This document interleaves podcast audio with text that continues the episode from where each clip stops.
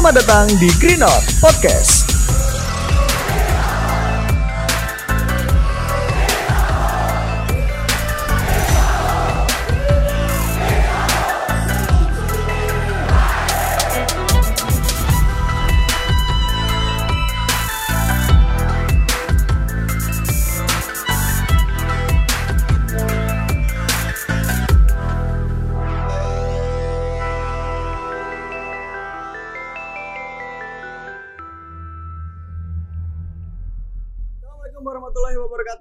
Datang di Green Note Podcast dan ini adalah episode yang kedua setelah sekian lama uh, sudah lama sekali ya kita uh, nggak ngobrol di YouTube maupun di Spotify. Tapi sebelum kita mulai di episode yang kedua di Green Note Podcast, uh, saya sebagai host dan untuk teman-teman Green Note semua mengucapkan terima kasih untuk teman-teman yang sudah memberikan komentar, uh, sudah memberikan kritik dan juga saran di YouTube channel maupun di Instagram maupun kemungkinan di Spotify juga memberikan saran-saran. Terima kasih. Semoga kita menjadi lebih baik lah di episode-episode yang selanjutnya. Nah, hari ini kita akan ngobrol dengan sesosok orang yang selalu memberikan opini, selalu memberikan uh, sesuatu yang memang luar biasa pada sepak bola Indonesia.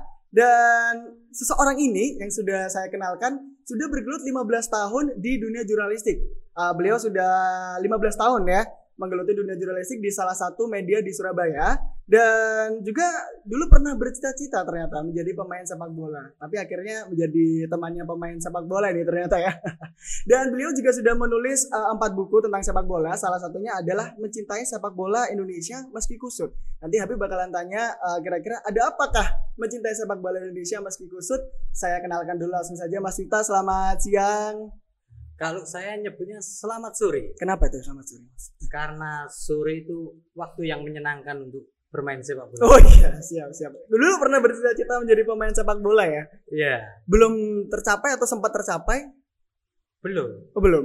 Kalau pemainnya main, main di kampung.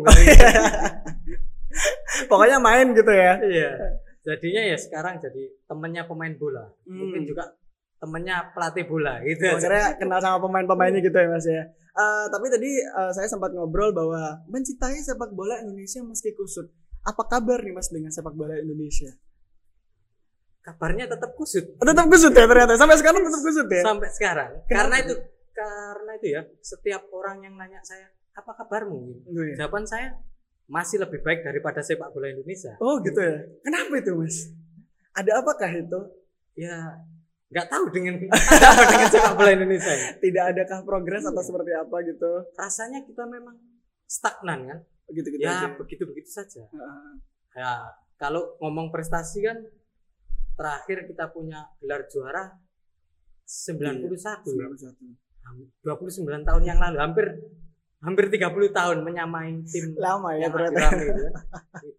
dan setiap tahun setiap musim yang ada konflik konflik konflik gitu aja kan gitu gitu aja Iya. mas ya stagnan gitu gitu aja ya tapi hari ini di episode yang kedua ini saya bakalan ngobrol seputar tentang liga yang kemarin kan sempat cuman ancang-ancang aja ya iya mau diadakan atau enggak ternyata sempat mau diadakan diundur bulan April ternyata diundur masih belum ada kabar ternyata melalui official Instagram dari PSSI sudah mengumumkan Liga 1, 2, dan 3 akan diadakan di bulan Oktober. Ya. Nah, ini pendapatnya Mas Miftah sendiri bagaimana nih Mas kok? Padahal kita tahu bahwa ini adalah musim-musim yang memang eh, bukan musim anu ya, bisa dibilang ini pandemi yang sangat wah orang-orang harus stay di rumah, harus eh, jaga jarak, jaga eh, pakai masker dan lain sebagainya. Tapi menurutnya Mas, Mas Miftah seperti apa tuh Mas? Kok bisa-bisanya Iya. gitu loh? rasanya seperti yang kemarin saya tulis sih Iya. eh, PSSI ini sepertinya tidak serius dengan keputusannya. sih. Uh, nggak serius gimana tuh? Iya, begini, eh, yang saya tangkap sih ketika memutuskan liga ini ada banyak hal yang sepertinya dilupakan gitu, mungkin diabaikan oleh PSSI. Di satu sisi kan kita semua tahu bahwa pandemi ini belum belum berlalu, belum berakhir. Bahkan masih naik Iya, malah ya. belum terkendali lah. Iya, iya. Di sisi yang lainnya pemerintah Indonesia kurang serius, bukan tidak serius, kurang serius. Kalau kalau tidak nanti kan kita menafikan uh, teman-teman dokter, teman-teman tenaga Iya, medis, ngapa-ngapain dikiranya. Padahal mereka melakukan sesuatu yang luar biasa. Iya, benar. Nah, di sisi yang lainnya masyarakat kita ini kan nggak benar-benar disiplin gitu. Nah, apa jadinya ketika liga di, dijalankan. Hmm. Masih belum ya? Iya. Bukan tidak ya malah, masih belum serius untuk menangani uh, pandemi yang sudah terjadi di bahkan seluruh dunia ini Mas ya. Tapi uh, dari uh, yang diungkapkan oleh PSSI bahwa menyetujui dengan adanya Liga 1, Liga 2 dan Liga 3 akan digulirkan di bulan Oktober walaupun ada embel-embel sesuai dengan protokol kesehatan. Berarti kan otomatis Mas Viva sendiri dari statementnya itu menolak ya Mas ya? Jelas menolak. Jelas. Sebenarnya saya nggak punya kapasitas untuk menolak itu. Oh iya. Bukan pemilik klub. harusnya gitu saya Iya. juga harusnya gitu ya. Tapi kalau saya boleh berpendapat ya, Silakan. boleh. Saya orang awam, Hmm. bukan siapa-siapa, tapi rasanya eh, PSSI tidak tidak boleh sesegah ke tidak gegabah seperti ini lah. Gini, ah kalau membaca keputusannya PSSI bahwa Liga 1 dimulai 1 Oktober selesai 28 Februari, Februari. 2021. Hmm. Rasanya ini banyak hal yang dikalahkan gitu. Hmm. Di satu sisi eh, kita tahu tim nasional Indonesia itu di bulan Oktober itu bermain dua kali di Benar. pra Piala Dunia. Benar. Lalu di November juga bermain sekali di pra Piala Dunia. Di akhir November sampai akhir Desember itu ada Piala AFF. Piala. Benar. Nah, kompetisi kita ini kan Liga 1 baru jalan tiga kali pertandingan. Tiga Bahkan kali. Persebaya sama Persija itu baru baru melakukan dua kali pertandingan. Berarti kan kurang kurang apa? Masih masih sangat panjang, masih, Masih. 30. Wah, sangat panjang sekali Iya. malah Mas ya. Kalau di rata-rata kan 31 pertandingan, 31 31 pekan. Kalau dihitung dari Oktober 1 Oktober sampai Februari itu hanya ketemu 20 pekan. Artinya kan kalau itu dipaksakan, berarti jadwalnya mepet mungkin 4 hari sekali harus main. Harusnya seperti itu. Nah, di satu sisi ada tim nasional yang bertanding. Ketika itu jadwal dimampetkan, berarti ketika timnas main, liganya juga jalan. Ini kan konyol kan? Masa tim nasionalnya bertanding, liganya juga jalan. Dalam artian timnya merumput, klubnya juga merumput. Mungkin hanya ada di Indonesia ini. Malah tumpuk-tumpukan nanti Iya. Mas ya liganya ya. Itu artinya kita ini merindukan prestasi tim nasional. Benar. Sudah sejak 91 nggak Udah juara. lama banget. Tapi- ya. Tim nasional dikalahkan kan. Hmm. Rasanya kalau ini sama-sama jalan kita bisa mengulang kebodohan tahun 2012 kebodohan tahun 2016 Ada apakah itu Mas? Dari pandangan iya Viva? 2016 ketika Indonesia tampil di Piala AFF itu kan Oke. waktu pelatihnya Neil Maizar bahwa tidak semua pemain pemain-pemain terbaiknya bisa masuk tim nasional kan Oh, iya. karena klub-klubnya melarang kan Hmm. ngancem siapa yang berangkat akan diancam Hmm. sanksi kita ingat kan hanya Bambang Pamungkas pemain senior yang waktu itu ada di timnas AFF 2012 itu 2016 juga sama Hmm. Eh, karena liganya jalan Indonesia harus tampil di Piala AFF eh, waktu itu ada pembatasan pemain ke tim nasional masing-masing klub hanya mengizinkan dua Oke. artinya kan pelatih tim nasional pilihannya terbatas. Terus Hmm. mau meramu komposisi yang terbaik bagaimana? Apalagi eh, Piala Dunia apa liganya sudah di depan mata ya Mas ya. Iya. Mau seperti apa lagi? Ya udah ini gitu kan sama nantinya. Kalau jadwalnya mampet sama-sama jalan jangan-jangan nanti diulang. Yang boleh ke tim nasional satu klub dua. Kita misalkan persebaya aja ya. Eh, persebaya yang potensi ke tim nasional kan ada lebih dari dua nama ya. Hmm. ada yang kemarin dipanggil ada Samu ada Kuku ada Rian ada Irfan Jaya hmm. Nah. Wah, itu pemain luar biasa Iya, sekali Mas ya. mereka kan itu Yaudah, nggak aja iya Gak usah deh itu dibuatin aja Iya, liga buat liga aja, Oh, liga kali. aja gitu kan. nah, tim nasionalnya dapat Lah siapa iya. Lah ya. sama Oke. itu Itu bakalan terjadi malahan Mas ya. ya di satu sisi oke Hmm.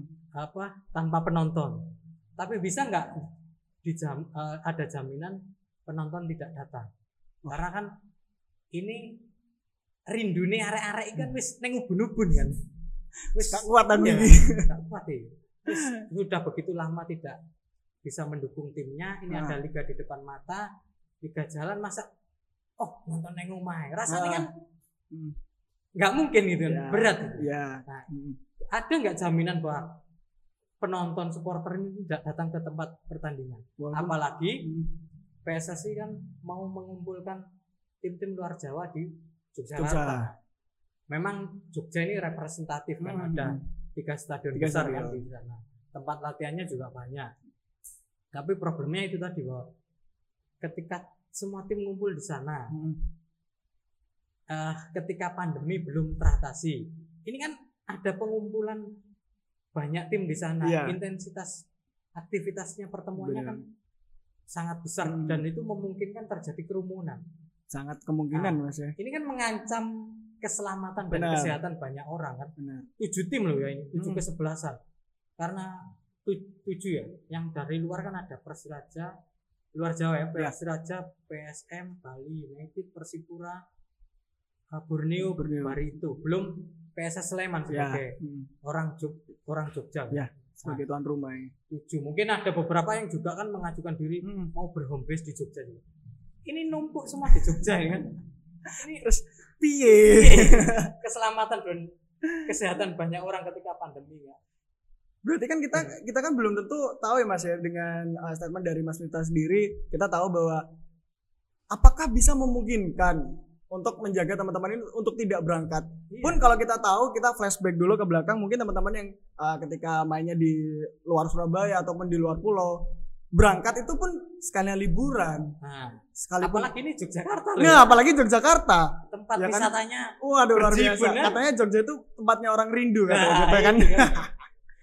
Nanti sekalian ke sana sekalian berangkat gitu kan. Tapi tadi Mas Miftah sempat bilang bahwa eh, sebenarnya Mas Miftah ini kan tidak punya daya untuk menolak gitu, tapi sebagai pengamat sepak bola pun ya mau nggak mau harus tetap menolak ya sebenarnya Mas. Tapi teman-teman Greenhouse sendiri juga sebenarnya juga menolak dengan adanya liga itu sendiri Mas. Kaget sih sebenarnya eh, ketika keluar mun- eh, muncul di Instagram officialnya PSSI Liga 1, 2 dan 3 tetap dijalankan di bulan Oktober dan dengan protokol kesehatan. Ya benar sih, tidak memungkinkan bahwa teman-teman itu akan tidak berangkat, Nah, akan yang paling bahaya ini sebenarnya gini Mas, akan tidak nobar.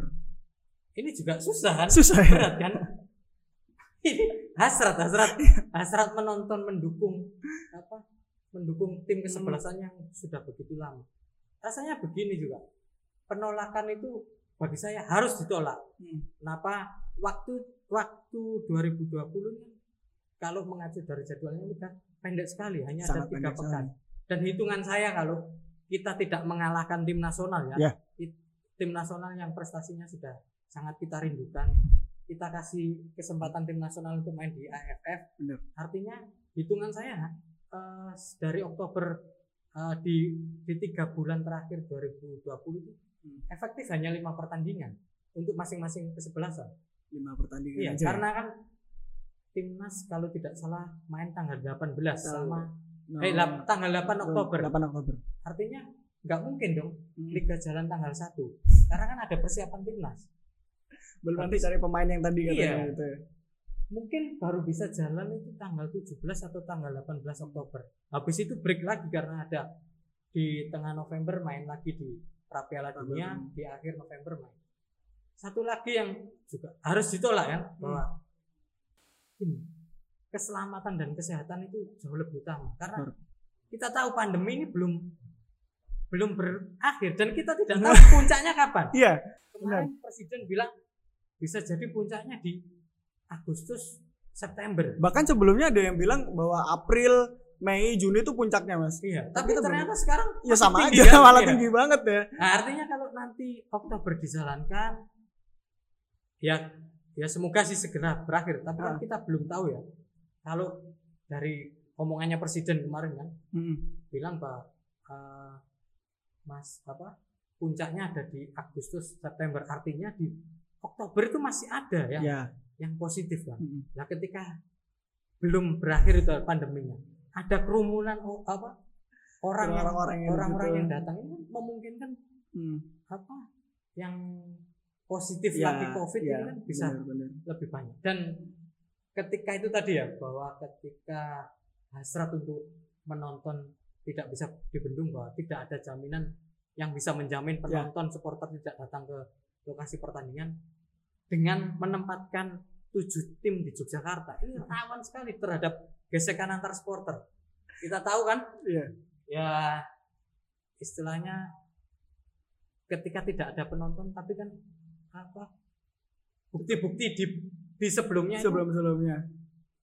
Malah apa? pertandingan tanpa Hmm. penonton masih banyak yang datang. Nah ini ketika semua dikumpulkan di Jogja, ini ad- ada beberapa apa teman-teman supporter yang Iya. kelompok supporter yang punya rivalitas Iya. yang tinggi ya. bahkan itu bisa menjadi tantangan ya mas ya Iya. Wih, gak ada penonton lawannya ini nanti Ya, ayo kita berangkat kita berangkat. Nah, kita tidak tahu.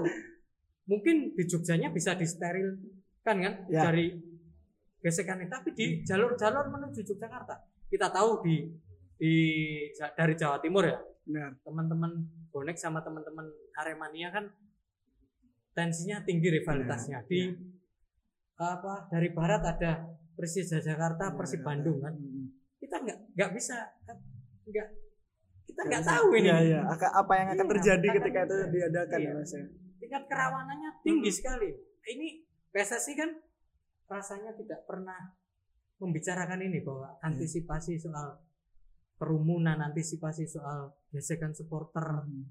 ini nggak pernah dibicarakan yang dibicarakan kok liga jalan anti demi tim nasional Ya. tapi demi tim nasionalnya U19 kan yang mau tampil di Piala Dunia bilangnya embel-embelnya adalah dengan protokol kesehatan Iya. yang seperti menggunakan masker, menjaga jarak. Terus maksudnya di situ kalau misalnya kumpul-kumpul emang terjadi ya Mas ya seperti katanya Mas Vita. Jadinya berangkat nih ke sana nih. Apakah mereka akan menjaga jarak? Tentu tidak. Tentu tidak. Sangat tidak. Kita lihat aja sebenarnya eh, selain sepak bola kalau misalnya ada orang nongkrong pun mereka juga masih tetap tidak menjaga jarak gitu kan Mas. Iya. Apalagi kalau berangkat ke sana gitu kan. Itu yang sangat bahaya sekali untuk kesehatan mereka, Nah, keselamatan jiwa masing-masing yang berangkat ke sana. makanya itu harus ditolak saya sepakat dengan kata-kata eh, gerakan teman-teman supporter yang menolak ini Salah satunya karena ya teman-teman itu Greenwood ya ya, teman-teman Greenwood kan menolak bahwa sudah disele- diselesaikan aja Hmm. kompetisi musim 2020 kalau memang mau dipaksakan jalan lagi ya mau di- dijalankan Hmm. lagi ya mau dipaksakan di Oktober maka jalankan kompetisi musim 2020 2021 Ya, ini benar. nanti ikut kalender sepak bola dunia lah ya. Ikut apa jadwalnya FIFA karena selama ini kan kita bikin jadwal sendiri kan Iya, iya, iya. itu Benar, benar, benar. Tapi eh, kita masih ngomongin tentang liga nih, Mas. Beberapa isu sempat menyebutkan bahwa liga diadakan. Ini fix diadakan, tapi tanpa degradasi. Bahkan eh, beberapa sumber berita yang sempat saya baca dan sempat saya riset ternyata memang ada yang malah menyetujui dengan adanya degradasi. Bilangnya sih pemain tim saya akan saya tetap eh, latihan dan kerja keras dan lain sebagainya. Tapi kalau dari menurut Mas Miftah sendiri, eh, gimana tuh Mas maksudnya? Kok kompetisi liga tapi tidak ada degradasi itu berarti Nah. tidak ada penaikan, tidak ada penurunan tuh. nah ini jadi problem lagi nih nanti kan Problemnya sekian ya malah. problem yang kesekian yang di di ujung eh, di tahun berikutnya Iya. karena ketika tanpa degradasi eh, dan Liga 2 keputusannya PSSI kan tetap ada promosi kan ya Hmm. tetap ada promosi artinya ada penambahan nanti di klub Liga 1 Hmm.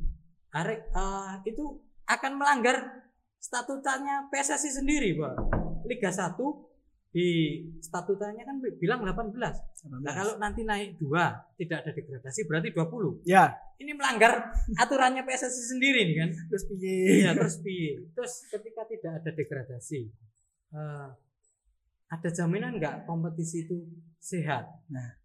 Persaingannya kan bisa sangat tidak sehat kan? Mungkin yang yang eh, di papan atas yang mau ngejar juara mungkin Hmm. akan berlomba-lomba itu yang cukup papan tengah ke bawah ya sudah santai-santai. Bisa saja mem- memungkinkan terjadinya permainan Hmm. kan? Permainan seperti apa itu? Ya ini jual beli pertandingan kan? Oh, oke. karena yang yang punya kepentingan untuk jadi juara membeli pertandingannya tim-tim yang Hmm. ah kita cukup di tengah cukup di bawah nggak apa-apa lah nggak ada degradasi aja itu kan sangat memungkinkan itu Kasihan malah yang Iya. pengen naik ke Liga 1 tuh Mas ya. dan ketika seperti itu sudah tanpa penonton lagi kan Iya. kompetitif nggak kompetisinya Sangat kalau tidak. sudah tidak kompetitif sponsor laku nggak menjual menjual produknya di kompetisi yang seperti itu kan Malah sebenarnya harus ada kongres ya Mas ya. Kalau tidak ada di statuta ya Mas ya. iya kalau harus harus nambah jumlah Hmm. klub Liga 1 tadi kan karena di statunya eh, statuta PSSI Hmm. 18 kalau tidak ada degradasi sedang dari Liga 2 naik dua artinya di musim berikutnya ada 20 klub di Liga 1 ini kan problem. Ya udah yang yang di peringkat satu ya udah diem. Jadi makanya kita main kita ngikutin apa yang kata PSSI kita main ya udah kita tetap di situ gitu kan.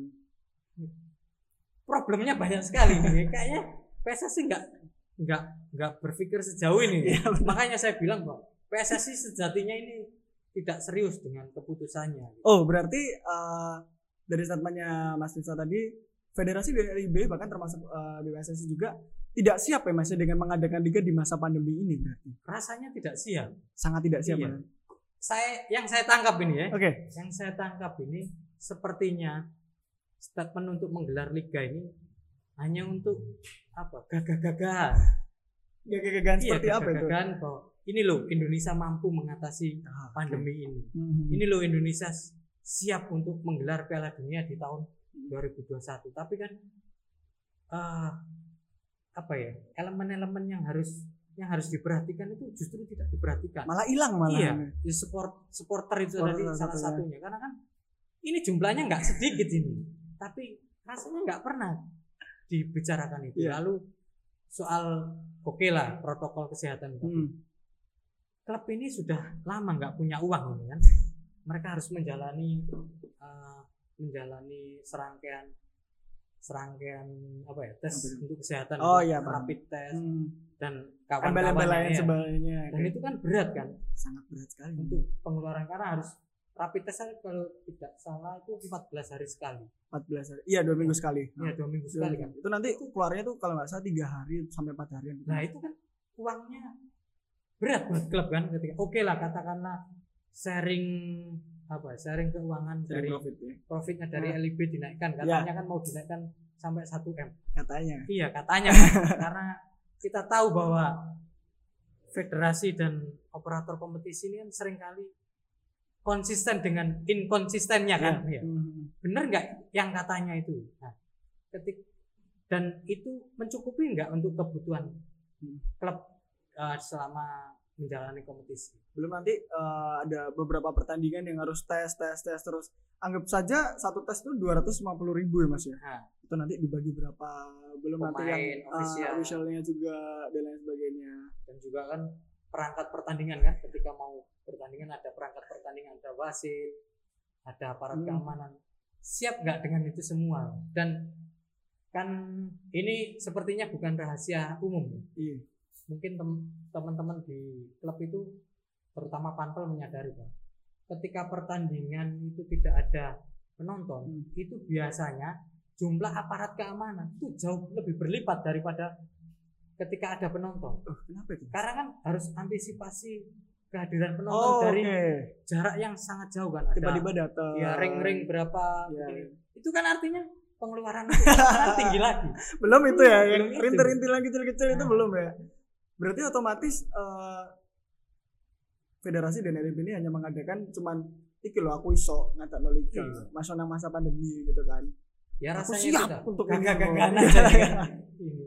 tapi eh, dari beberapa tadi yang sempat disebutkan sama Mas Miftah berarti kalau tadi sempat ada gagah-gagahan tapi sebenarnya ini kita melihat dari kacamata sebagai orang LIB atau federasi ya Mas ya apakah ada tuntutan dari sponsor Mas yang mengharuskan mungkin eh, dulu ya kita tidak tahu ya kita meraba-raba saja. Mungkin dulu pernah tekan kontrak eh, tekan kontrak yang bilang bahwa apa pun yang terjadi apa pun yang terjadi kecuali bencana alam yang terlihat mata tetap harus diadakan. Itu mungkin tanda tangannya oleh sponsor. Apakah ada tuntutan dari sponsor mas? Nah, saya sebenarnya nggak tahu pasti. Iya, tapi dari Tapi- yang sering terjadi malah. Iya rasanya mungkin bisa jadi itu kan. Ada sudah ada penandatanganan kontrak Hmm. dengan spon- sponsor soal liga harus jalan. Tapi kan di tengah situasi seperti ini sepertinya di kontrak itu kan pasti ada bunyi bahwa ini ada sesuatu yang hal yang luar biasa yang terjadi kan? Iya, benar. karena pandemi pandemi ini kan ya sama lah kayak kejadian bencana alam. Hmm. tidak terduga. Benar. Dan ketika pemerintah kurang serius ini kita belum tahu akhirnya di mana. Hmm. yang bisa jadi ada tekanan-tekanan itu kan?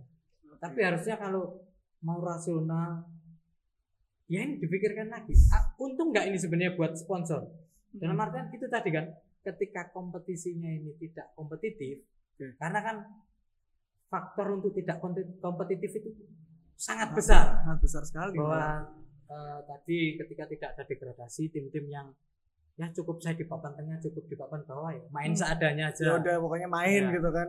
Terus pemain ketika tidak ada penonton, mungkin di satu, dua, tiga pertandingan masih sangat semangat, tapi di pertandingan berikutnya ya namanya manusia, pemain ini kan manusia, kan pasti juga pengen dipuji kan. Iya benar benar benar. Sifat Kok kayak gini gini iya, tuh. ini, tuh kan sih nonton. Udah ya. Bener nggak ditonton yang TV kan? Nggak ditonton ah main enak dewe lah. Nah, ya udahlah. ini ketika sudah tidak kom- kompetitif seperti ini, bener nggak apa jualannya sponsor ini laku? Hmm. Ini jadi jadi pertanyaan-pertanyaan berikutnya. Malah saya itu saya itu sempat eh, lihat di salah satu websitenya di federasi kalau nggak PSSI gitu mas. Itu sempat ada logo sponsor yang sempat hilang malahan. Iya. Terus tiba-tiba Oh, iya, balik iya. lagi. Saya sempat sempat lihat ini. Sponsor Ah, utama ya. Nah ya, saya tidak mau menyebutkan ya. Nanti di endorse saya. Iya. Enggak, saya sempat eh, lihat di website eh, kalau nggak di federasi di PSSI itu salah satu logo sponsor utama itu sempat hilang. Tapi eh, kemungkinan hanya dua hari, tiga hari. Nah, eh, ternyata Itu kalau- balik lagi. Kalau tidak salah, saya sempat dapat bocoran dari Kenapa itu? Mas? orang dalam. Ini gimana itu mas? Kayaknya lupa bayar ke vendor kayaknya. Kok bisa nggak ada pemasukan maksudnya?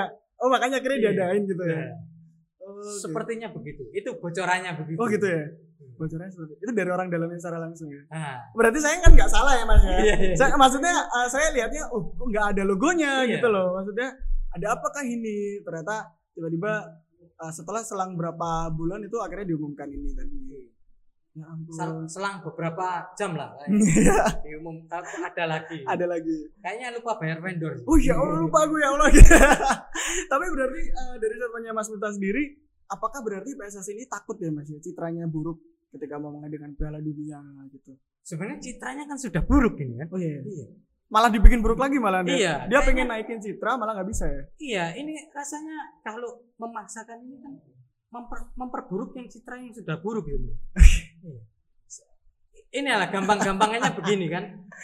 Eh, PSSI itu kan mengumumkan Liga Jalan 1 Oktober dengan ada pengumpulan klub dari luar Pulau Jawa di Yogyakarta itu kan diambil setelah mereka membuat keputusan bahwa Stadion Mandala Krida Yogyakarta dicoret dari daftar apa stadion tuan Stadion. rumah Piala Dunia U20 di Hmm. 2021. Alasannya dia alasannya sepertinya diada-adakan bahwa karena FIFA takut dengan aktivitas Gunung Merapi. Oke. Nah, kalau eh, alasannya itu kenapa Manahan Solo ditunjukkan? Malah. Kenapa? Kan sama kan sebenarnya Mandala Krida dengan Iya, oke benar, jaraknya Manahan lebih jauh. Ya. Tapi kita tahu selama ini kalau Abu Merapi ketika mele- apa, meletus itu kan nggak hanya ke Jogja kan, Benar. ke Magelang, ke Solo, Nah. ke Klaten. Lah. Manahan ini ada di Solo. Alasannya itu, ini kan nggak rasional. Dan ketika eh, setelah memutuskan mencoret Mandala Krida dengan gampangnya apa menaruh apa memutuskan Liga 1 jalan Heeh. dengan tim-tim dari luar Jawa dikumpulkan di Yogyakarta. Ini rasanya Aneh. aneh. Gak duwe sopan santun gitu. Gitu. Eh, tapi kan berarti kan kalau misalnya eh, membatalkan untuk mengadakan di mana tadi sebelumnya Mas? Yang Di- akhirnya diganti di Solo itu takut dengan aktivitas Merapi, Merapi. katanya. Eh, mereka takut dengan aktivitas Merapi yang bahkan belum terlihat aktivitasnya, Iya. tapi ini pandemi yang sudah terlihat bahkan sudah eh, korban-korban dan lain sebagainya yang kita tahu sebenarnya melihat terlihat sekali ya Mas ya efek bahayanya orang-orang yang sudah terjangkit positif Iya. dan lain sebagainya. Mereka bahkan mungkin tidak takut malahan. Nah, ini kan. Iya kan? Iya. Berarti kan PSSI adalah kumpulan orang-orang dagelan dong. Nah, Terus pokoknya ayo rek, guyon rek, jadi liga. nah ini kan. Aneh memang ini. Rasanya konyol sekali gitu. Iya kan? Kalau misalnya dari eh, beberapa stadion yang dibatalkan karena takut dengan aktivitas Merapi. Bahkan kita ya kita tidak minta ya Mas ya. Iya. Kita melihat bahwa belum ada aktivitas yang insya Allah masih bisa di mungkin ada tapi kan belum skalanya Belum- sangat tinggi kan. tinggi Iya. ya, belum eh, diwaspada ya Mas Iya. ya. Tapi kita melihat bahwa pandemi ini sudah sangat bahaya sekali. Angkanya bahkan hampir melampaui Cina. Nah, Yang sempat saya baca itu hampir melampaui Cina. Apakah mereka-mereka atau beliau-beliau ini tidak mempedulikan? ya itu seperti apa rasanya itu tadi keputusannya ini gagah-gagahan. Indonesia itu mampu. Dakal berarti. Iya, dagel. Dan dagel lagi kan begini. Liga ini digulirkan untuk mempersiapkan timnas U21 eh, timnas U19 untuk Piala Dunia U20. Hmm. Ini kan konyol lagi kan. Kalau itu ya katakanlah tim-tim dipaksa untuk memainkan pemain U20. Nggak semuanya pasti mau kan kalau Hmm. dalihnya pengen berprestasi. Ngapain saya maksakan main ini? Hmm. Kalau memang mau memberi kesempatan pemain timnas U20 agar lebih siap ke Piala Dunia, Piala Dunia. U20 ya. Kenapa tidak menggulirkan EPA kan? Hmm. Ada EPA yang U20, U18. Hmm. Dari kompetisi ini bisa dijaring nanti yang ke timnas U20-nya, U19-nya ya. Dan, dan ketika menggulirkan EPA ini rasanya apa? Apa ya? Eh, ap- apa namanya ya? Apa potensi-potensi yang tadi terjadi di Liga 1 Oke. itu bisa diminimalisir. Oh, Oke. Kita EPA kan, menggulirkan EPA. Itu timnya enggak bisa di bisa Bisa di grup kan, bisa di grup grup, 1 benar. 2 3. Hmm. Per jumlah pertandingannya bisa enggak sebanyak di Liga 1. Maksudnya kegagalannya di Liga 1 Liga 1 bisa diminimalisir lah setidaknya. Iya. Terus penonton, penonton bisa enggak enggak banyak kan? Karena Hmm. antusiasnya pasti tidak setinggi Hmm. tim Liga 1-nya. Nah, ini kan eh, bahaya ancaman keselamatan dan kesehatan bener. nyawa Sangat. banyak orang bisa diminimalisir Hmm. lalu kerawanan gesekan antar supporter juga bisa Hmm. diminimalkan gitu. Saya mau kasih tahu sebenarnya lihat catatan tadi. Saya mau ngucapin itu tapi kayaknya terlalu eksplisit ya Mas ya. Jadi diempat aja kalau gitu ya. Iya, itu terlalu kusut ya. Berarti kan uh, dari beberapa obrolan kita siang hari ini yang katanya Mas Yuta apa pun saya bilangnya selamat sore pokoknya karena enak buat main bola ya Mas ya. Iya. Berarti kan kita tahu bahwa sepak bola Indonesia ini sangat kusut sekali ya. Aku uh, saya kalau misalnya ditanyain kabar, saya jawabnya ya lebih baik daripada sepak bola Indonesia lah ya. Iya. Ternyata seperti itu harus ya Mas ya. Karena gini, ini yang selalu saya bilang ya. Ini mungkin nggak tahu saya dari tahun berapa saya ngomong begini. Saya merasakan bahwa sepak bola Indonesia ini tidak pernah eh, sepak bolanya ini tidak pernah ditempatkan di nomor satu. Hmm. Sepak bola Indonesia ini eh, ditem- sepak bolanya sendiri ditempatkan di nomor kesekian. Nah, nomor pertamanya siapa dong Mas? Nomor satunya itu politik rasanya. Oke, itu yang pertama. Iya. Sama seperti sekarang ini kan, bahwa ini melanjutkan Liga 1 ini lebih eh, lebih politis bro. dalam artian ini loh Indonesia itu gagahan Indonesia mampu Siap. siap Hmm. ya ini politis Eh, yang terjadi selama ini kan seperti itu bahwa eh, klub-klub itu menjadi kendaraan politik orang per orang untuk maju menjadi eh, wali kota Ya. jadi wakil Ya. wali kota jadi, Jadi orang yang bupati penting lah ya. ya jadi DPR Iya. anggota DPR itu kan yang terjadi dan yang saya rasakan itu Hmm. lalu yang kedua ini sepak bola Indonesia ini jadi alat bisnis dalam artian bisnis bukan bisnis sepak bola ya Bisnis apa tuh Mas? bisnis di luar sepak bola Oh, personal berarti. ya personal atau perusahaan Oke. ya contoh paling gampang gini waktu ketua umumnya Nurdin Halid itu kan Oke. Nurdin itu kan terjerat kasus korupsi Berapa? impor waktu itu. impor bahan bahan baku kalau tidak salah minyak goreng dan Nah, apa ya saya agak lupa ya kan Aku juga agak lupa. Nah. Itu lama banget. itu kan di situ kan nggak mungkin ketika dia impor itu sendirian kan Ya. pasti ada uh, temennya yang menjalankan Kawan-kawannya. iya menjalankan dan kita tidak aja di PSSI waktu itu pasti ada orang-orang yang berkecimpung di di situ kan di di bisnis bisnis itu. Mungkin juga di bea cukai yang Ya. membantu proses itu kan. Ya. dan bisa ditemui waktu di kepengurusan waktu itu yang duduk di posisi-posisi itu. Atau contoh paling gampang lagi ada satu kesebelasan. Oke. dulu namanya sekarang sudah tidak ada. Kesebelasan ini sekarang ada di dekat kita di seberang seberang laut Surabaya Oke, tonggo ya. iya klub ini kan ah, dulu kan Nah, berpindah-pindah home base klub ini awalnya ah, saya sebut aja ya silakan. home, eh, tanpa nyebut nama. Oh, iya, iya. Klubnya ini kan dulu eh, tinggalnya di Sawangan. Oke. Sawangan masuk Depok kan, Jawa Barat. Heeh. Mainnya di Jakarta. Oke. Nah, ketika main di Jakarta, dia pindah main di Solo. Pernah main di Cilegon. Pernah main di Purwakarta, pernah main di Karawang. Eh, sekarang main di tetangga Hmm. tetangganya Surabaya. Hmm. Saya melihat bahwa ketika klub ini berpindah-pindah, berpindah-pindah kota, itu Hmm. rasanya itu lebih ke ekspansi bisnis dari pemilik klub tersebut gitu. Eh, saya pernah sih guyonan sama manajernya yang mengelola klub klub ini kan. Hmm. Kebetulan yang mengelola ini kan dekat sekali dengan pemilik teman bermain dari kecil. Oh, oke. Saya tawari, gimana kalau ini pindah ke Madiun aja. Madiun itu kota bes, salah satu kota besar di Jawa Timur, punya stadion yang cukup representatif untuk main di Oke liga lah ya di kasta tertinggi sepak Hmm. bola Indonesia. Masyarakatnya juga animonya pasti tinggi kan. Hmm. Dan ini bukan hanya Madiun, mungkin bisa penontonnya datang dari Ngawi, Ya. Madiun, Ponorogo, Magetan. Hmm. Saya tawari itu, oke, mainkan itu. Nah, saya mainkan di, di tulisan kan. Iya. Ditulis. Itu direspon sama wali kota Madiun. Oh langsung direspon. Langsung direspon. Beritanya bergulir itu kan. Dan tahu-tahu klub ini tahu-tahu pindah ke Karawang. Asem rasanya kan. Oh, ini- Oh iya, ternyata dia membangun bisnis eh, bisnis di, di Oh, Karawang. Klub ini juga yang melahirkan, mohon maaf teman-teman Malang. Waktu klub ini jadi join dengan Arema kan, Hmm. saya melihat ini lebih kepada ekspansi bisnis bahwa untuk mengembangkan bisnis Oke. apa perusahaan tersebut keluarganya di lain. Gampangnya lihat di kostumnya Arema waktu itu. Sponsor utamanya apa? Itu aja. Perumahan besar lah yang milik klub itu gitu kan. Sponsor apa tuh di di jersinya itu sponsor Itu. apa tuh? Dan sekarang juga modelnya sama kayaknya kan. Ah, Ah, klub-klub ini melakukan ekspansi bisnis bukan bukan bisnis di sepak bola. Oke. Ya, mohon maaf lagi nih buat teman-temannya bonek ini. Iya.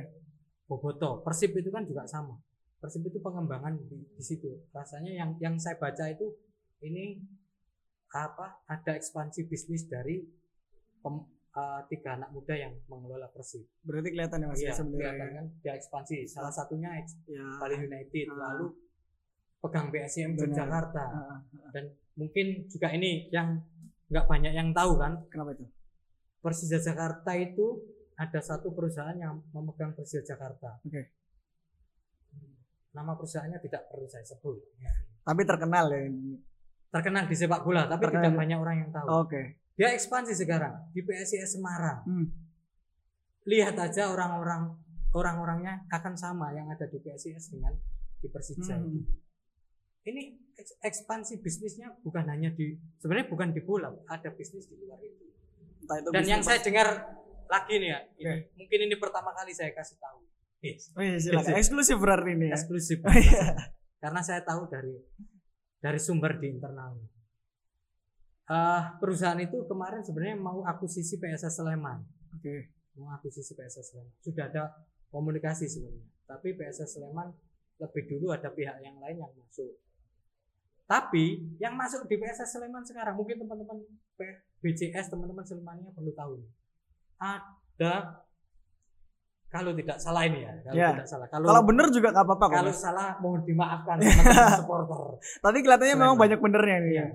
Kalau tidak salah dengar ini yang pegang PSS Sleman sekarang yang punya saham mayoritas PSS Sleman itu eh yang punya Aman Mineral yang sekarang jadi sponsornya Persija Jakarta. Oke. Artinya orangnya sebenarnya sama Hmm. bahwa perusahaan yang yang berada di baliknya Persija Jakarta, PSS Semarang, orang yang support Persija pegang PSS Sleman. Sebenarnya Iya, kemarin mau apa perusahaan itu sendiri yang Iya. komunikasi dengan apa manajemen PSS Sleman, tapi ternyata ada yang lain yang masuk dan lebih dulu dengan deal dengan ini. Itu kan. Sama karena siapa sama seperti Persib tadi kan ada Iya, iya. ekspansi di Bali United, lalu PSM Yogyakarta, Sulut United kan. Terus kalau sebanyak itu dari pertama politik, kedua bisnis, sepak bolanya ditaruh di nomor berapa Mas? Kesekian itu maksudnya. masih ada lagi Oh masih ada Ya. lagi. nomor tiganya ini uang receh ini saya nyebutnya uang receh recehnya kalau karena kemarin di apa ya dipopulerkan mata najwa mafia bola rasanya kalau mafia terlalu besar koyo Italia Hmm. Oh, Iya, iya. iya. kalau Italia sudah juara dunia Ya, pengaturannya sudah sedemikian sudah oke. Nah, kalau saya nyebutnya ini uang receh uang recehnya bukan bukan 100 200 perak ya Iya. bukan 10 20 juta bukan 100 ini bisa miliaran dalam artian gini ketika ada kepentingan politik di sepak bola ada Hmm. kepentingan bisnis di situ klub ini pengen menang kan Hmm. caranya menangnya apa Lek, kosongan aja yo rasanya yo angel kan Ya, iya. nah butuhlah orang-orang yang memek- yang membutuhkan uang receh itu tadi Oh, Oke. bermain. Saya ini kerasa sekali kan sepak bola Indonesia selalu bilang bahwa eh, ada pengaturan skor, pengaturan Oh, Ya, beli lain iya, sebagainya.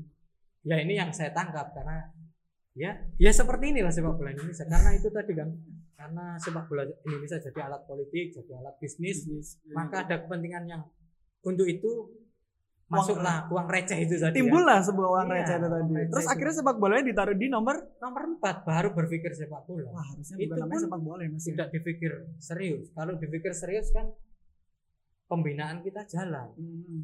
Ini pernah saya bilang kal- sama Dik Tisa, saya nyebut saya manggilnya Dik Tisa waktu Saya masih nyebutnya tante sih sekarang. jadi, Dik Tisa waktu masih jadi sekjen PSSI saya bilang eh, sepak bola ini nggak serius dalam artian apa sepak bola ini dipandang nggak serius contoh yang hal yang paling paling gampang lah ya kita Hmm. lihat itu sepak bola itu kalau mau dikembangkan serius kita punya fakultas apa kampus-kampus universitas-universitas yang punya fakultas-fakultas olahraga di dalam fakultas olahraga itu ada jurusan ilmu kepelatihan Hmm. ada spesifikasinya se- apa, kepelatihan sepak bola. Saya empat setengah tahun belajar itu kan. Tapi orang-orang ini nggak pernah terpakai. Oh. Jadi sepak bola Indonesia itu dikembangkan dengan pengalaman.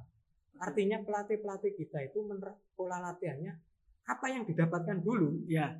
itu yang diterapkan ketika jadi Oh, pelatih. oke. Jadi ngikutin aja ya. Iya, karena gelombang pertama gelombang pertama lisensi A AFC itu terjadi di tahun 2008. Oke.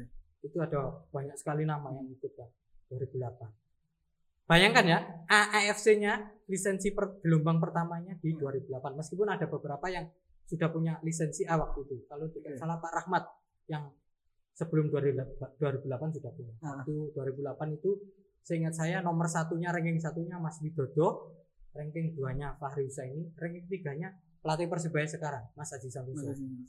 Itu 2008 A AFC. Hmm. Tahu nggak? A-Pro-nya tahun berapa? Berapa tuh? 2019. Loh. Ini kan bahwa sepak bola ini nggak serius gitu kan. Dikembangkan nggak serius. Dari lisensi pelatih kita sudah sangat jauh ketinggalan. Kita punya fakultas olahraga, punya spesifikasi ilmu kepelatihan, nggak pernah dipakai itu. Orang-orang yang setidaknya mahasiswa yang pernah belajar di situ ya Iya. Mas ya. artinya nggak apa ya dikembangkan dengan cara ya sepak bola Indonesia dikembangkan dengan pengalaman. Berarti Ya, ibarat, ibaratnya kan ibaratnya kan ya, biar ini kalau kok gini, ya udah ngikutin aja gitu kan. Iya, nggak nggak berkembang kan? Iya, ya contohnya kalau tidak salah salah mengikuti ya. Iya. Di hampir di banyak klub di Indonesia itu tidak punya pelatih fisik. Baru akhir-akhir ini kan semua punya pelatih fisik. Tim-tim mungkin hanya tim nasional dan tim-tim besar aja yang punya pelatih fisik. Hmm. Tapi yang lainnya nggak ada. Ya, ibu dari olahraga itu kan atletik kan. Iya. Atletik itu fisik. Hmm. Ketik, fisik ini berpengaruh terhadap banyak hal kan ket- eh, ketika fisiknya kuat ya maka Mainnya mainnya enak. kan enak Iya. karena eh, ini berpengaruh ke mental ke Hmm. pemain nyerap strategi dan kawan-kawan Lek fisiknya entek kan Ya arep diomongin apa paprah. iya diomongin melayu jancuk karo dah fisik entek kan itu kan? Cok karo lah kesel lah. kesel mureh. iya. Gak berkembang. Arep diomongin pelatih strategi ini ini wis gak Oh iya, iya, iya. nyandol lah. Nah, ini yang tidak ya, ya sepak bolanya sudah ditempatkan di nomor 4 sudah nggak ditempatkan di nomor 4 nggak serius lagi kan aduh. pengembangannya. Wah, ya ini ya. Ya inilah yang jadinya terjadi, yang dirasakan Iya, teman-teman juga yang Ya. mencintai sepak bola ya mas ya. Ya ini jadinya 91 kita juara SEA Games sampai 2020 kita nggak juara apa-apa gitu Ya, kan. Gini-gini aja ya. Gini-gini aja. Di Liga Champions Asia beberapa klub kita jalan hancur kan. Ya gitu-gitu aja. Gitu-gitu aja. Bahkan ketika dia ikut Champions Asia di lokalnya degradasi. Hmm. Hanya di Indonesia ya terulang itu ketika habis juara degradasi. Banyak contohnya. PSIS Semarang 99 juara, musim berikutnya degradasi. Degradasi. Petrokimia 2002 juara, 2003 degradasi. Hmm. Itu terulang. Gitu aja Iya. terus mas ya. Nggak siap karena ya itu tadi. Ya, dikembangkan ala kadarnya. Baru sekarang sekarang terlihat serius. Eh, Karena mungkin kita nggak seneng sama Pak Edi Ramayadi. Iya. Tapi ada sesuatu yang ditinggalkan Pak Edi yang menurut saya luar biasa bahwa jumlah pelatih yang lisensinya eh, di Apro, A, A Pro itu di, ditambah karena kita Oh. sudah sangat ketinggalan itu.